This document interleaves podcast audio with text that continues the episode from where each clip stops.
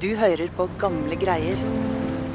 Den 2. september 1948 går en høy, slank mann med bagasjen ut av skipet MS Kronprins Olav og setter sine ben i den norske hovedstaden for første gang på 20 år.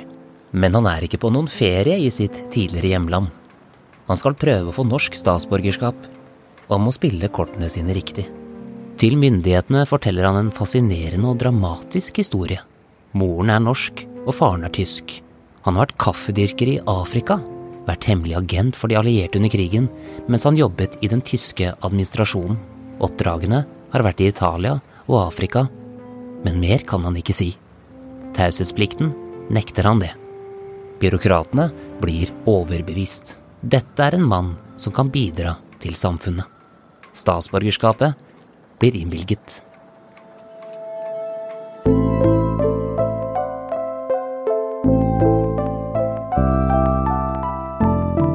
Den høye, slanke mannen het Per K. Larsen.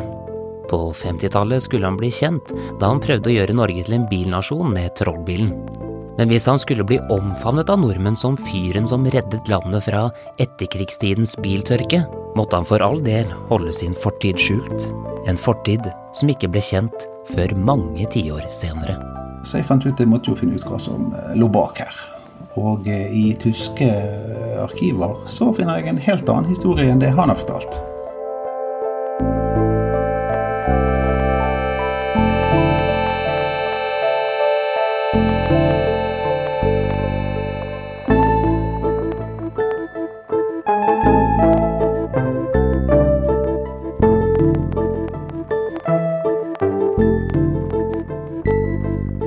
Velkommen til Gamle greier. Podkasten hvor vi her på Nasjonalbiblioteket gir deg historier fra samlingen vår. Mitt navn er Lars Hammeren Risberg.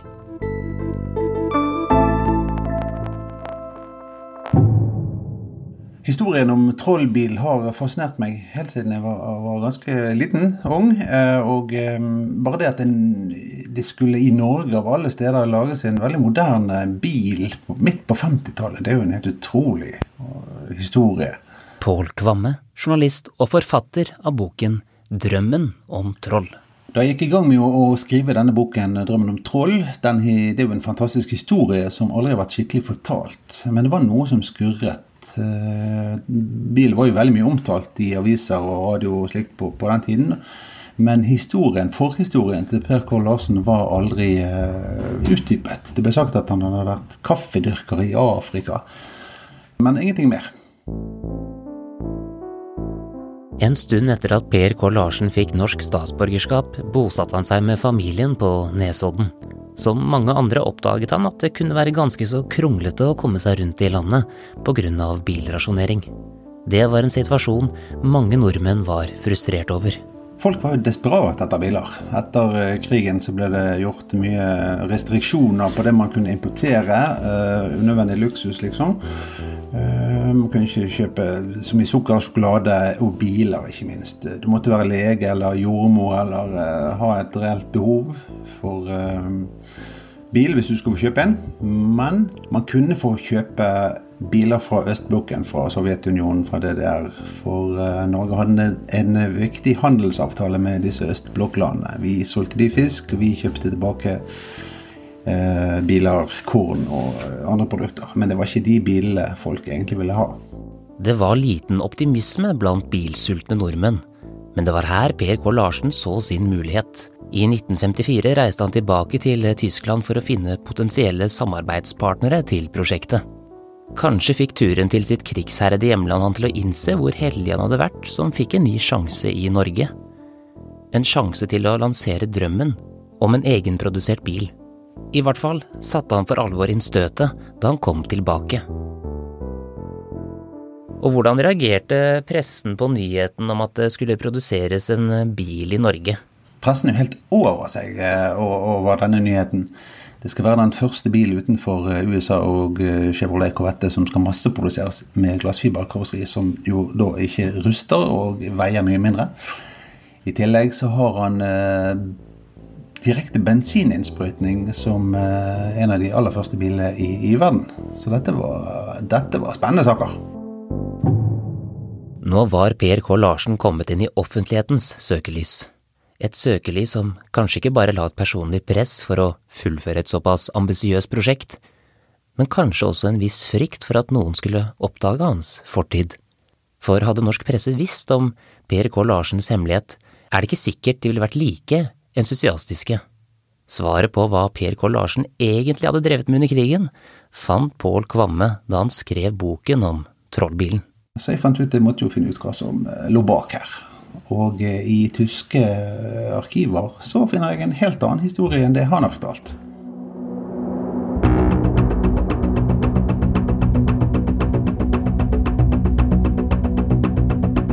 Da Per og familien bodde i Tyskland, søkte han om medlemskap i det nasjonalistiske tyske Arbeiderparti i 1934. Hvor aktiv han egentlig var som medlem, er det vanskelig å slå fast, men det er lite som tyder på at han var engasjert i partiet.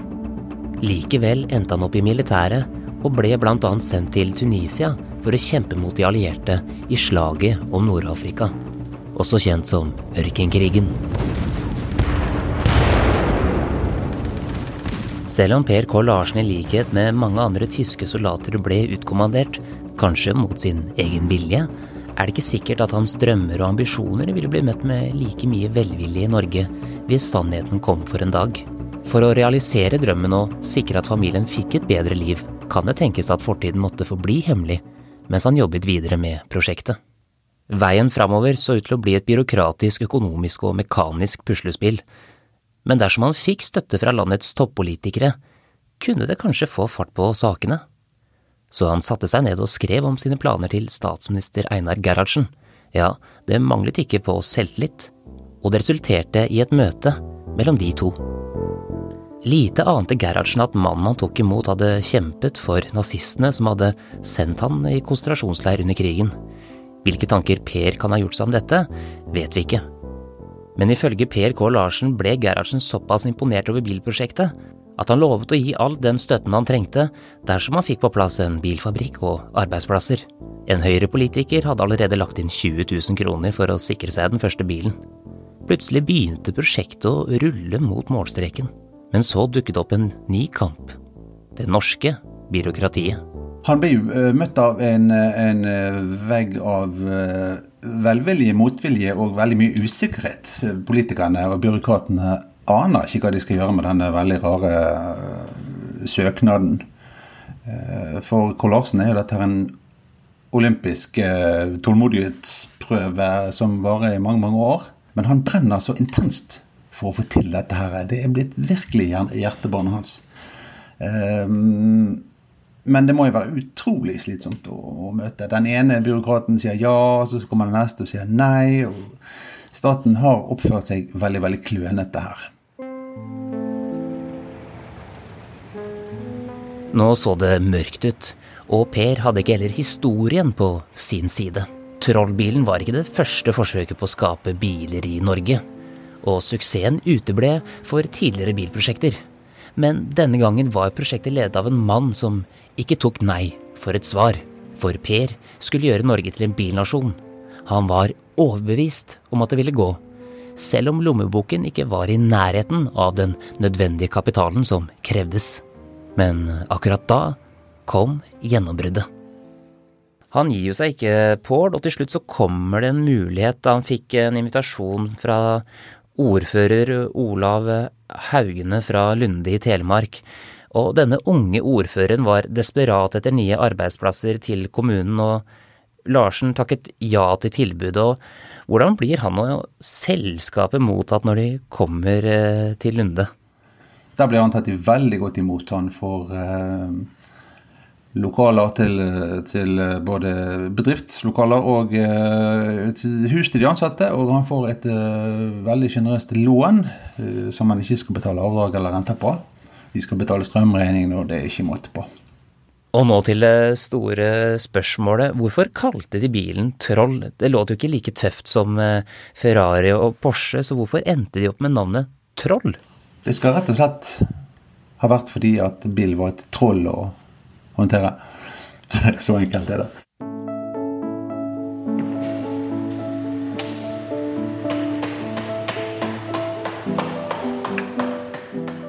Prosessen hadde vært lang, men etter flere års tålmodighetskamp mot byråkrater som hadde tatt knekken på de fleste, ble Troll Plastkarosseri og bilindustri etablert med fem ansatte med en timelønn på fire kroner. Langt unna noe lovende industrieventyr, men det var en start. Samtidig kunne Per bare glemme å ta seg en fest nå som produksjonen var i gang. Han hadde faktisk ingen tid å miste. For Per hadde faktisk ikke råd. Prosjektet hadde slitt økonomisk fra dag én, og den syltynne lommeboken skrek etter seriøse investorer. Og den eneste måten å få penger på til selskapet, var å få trollbilen ut på veien og til kundene så fort som mulig. Hva slags fagkompetanse hadde egentlig de ansatte ved Trollfabrikken? Det var uh, arbeidsledige, glade amatører som aldri hadde eh, jobbet med verken glassfiber eller bil. De, de sto dagen lang og blandet kjemikalier og, i, i blikkspannene sine og røykte, og det stinket over hele Lunde. Og, men det var veldig god stemning på fabrikken. Det som jeg husa best med kollasjen, det var piperøyken. Pipa var i munnen hele tiden. Og han røyka en spesiell tobakk, og den lukta veldig nydelig. Du hører nå stemmen til 82 år gamle Olav Strand, en av de siste gjenlevende som jobbet på Trollfabrikken i Lunde. Han tok en prat med oss for en stund tilbake over en litt skurrete telefonlinje for å fortelle om hvordan det var å være en del av Trollprosjektet. Det var en hyggelig fyr. En real fyr. Var han veldig ambisiøs, eller? Altså, du vet han var sjefen. Men en hyggelig sjef? Ja, det var det. Veldig hyggelig. Olavs jobb var å blande kjemikalier i støperiet.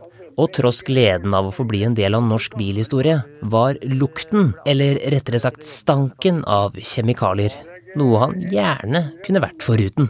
Altså, Den gangen så var det var der som jeg jobba, det var det rett og slett ille. Å, fytti filleren. Ja, det var rett og slett ille. Og dere bygget jo denne bilen fra bunnen av. Dere hadde jo ingen svære maskiner som man har eh, i fabrikker som i Tyskland og Japan. Dere gjorde jo alt selv. Du hadde hammer og spiker. Ingenting hadde du.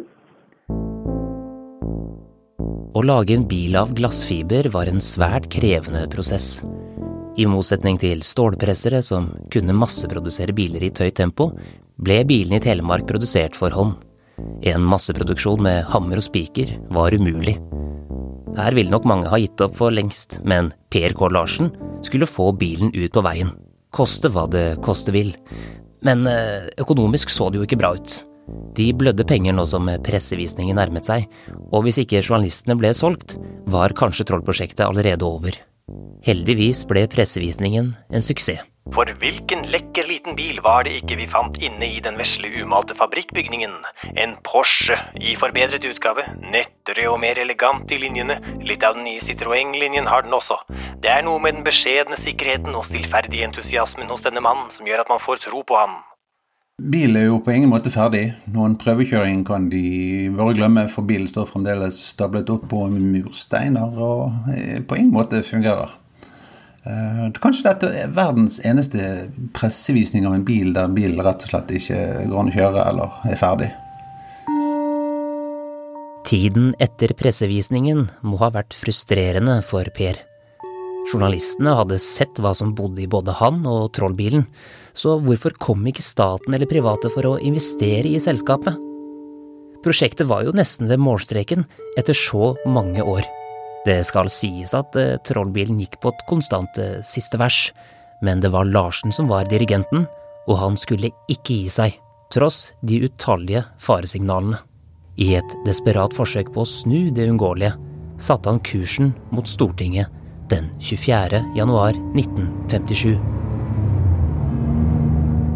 Til slutt har de jo en fungerende bil, eh, denne som pressen mener er en forbedret Porsche.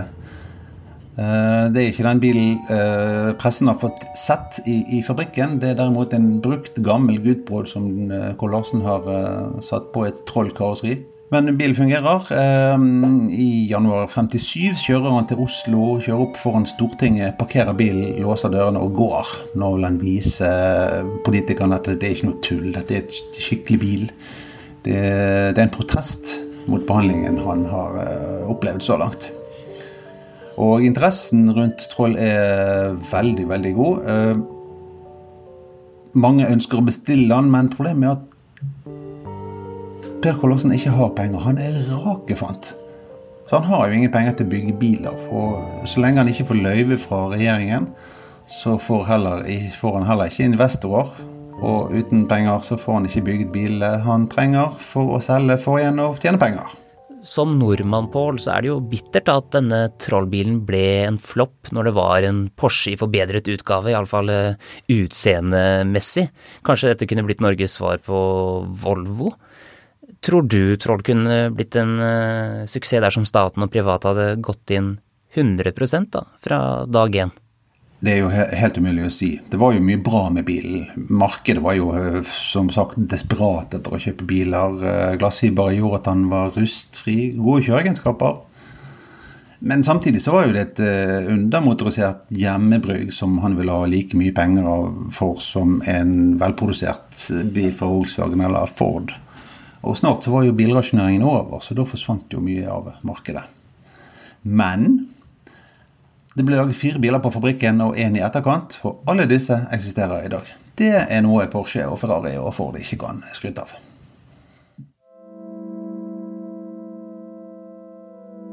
Tirsdag 3.12.1957 var det over, selv for en mann som Per K. Larsen. I så mange år hadde han kjempet en lang kamp mot det norske byråkratiet, holdt fortiden skjult. Likevel lyktes han ikke med å oppnå sin store drøm om å gjøre Norge til en bilnasjon. Nå var han blakk og hadde mistet både bilen og huset. En skulle kanskje tro at han hadde fått nok av gründerlivet etter dette, og at han trakk seg tilbake. Men bare noen få år senere var han tilbake. Nok en gang lanserte han et produkt i glassfiber. Ikke en bil, riktignok, men en redningsstige festet til joller til vintersesongen, som skulle redde uheldige folk som falt gjennom isen. Heller ikke dette ble en suksess, men det beviste at stå-på-viljen til Per K. Larsen var langt ifra over.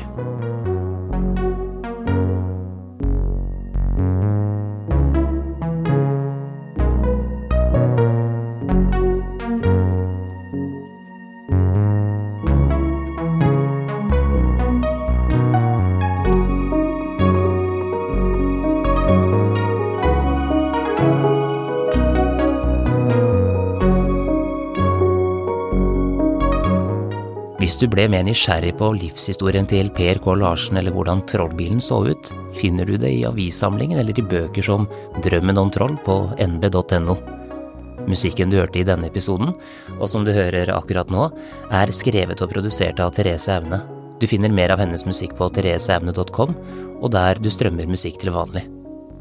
Mitt navn er Lars Hamren Risberg. På gjenhør.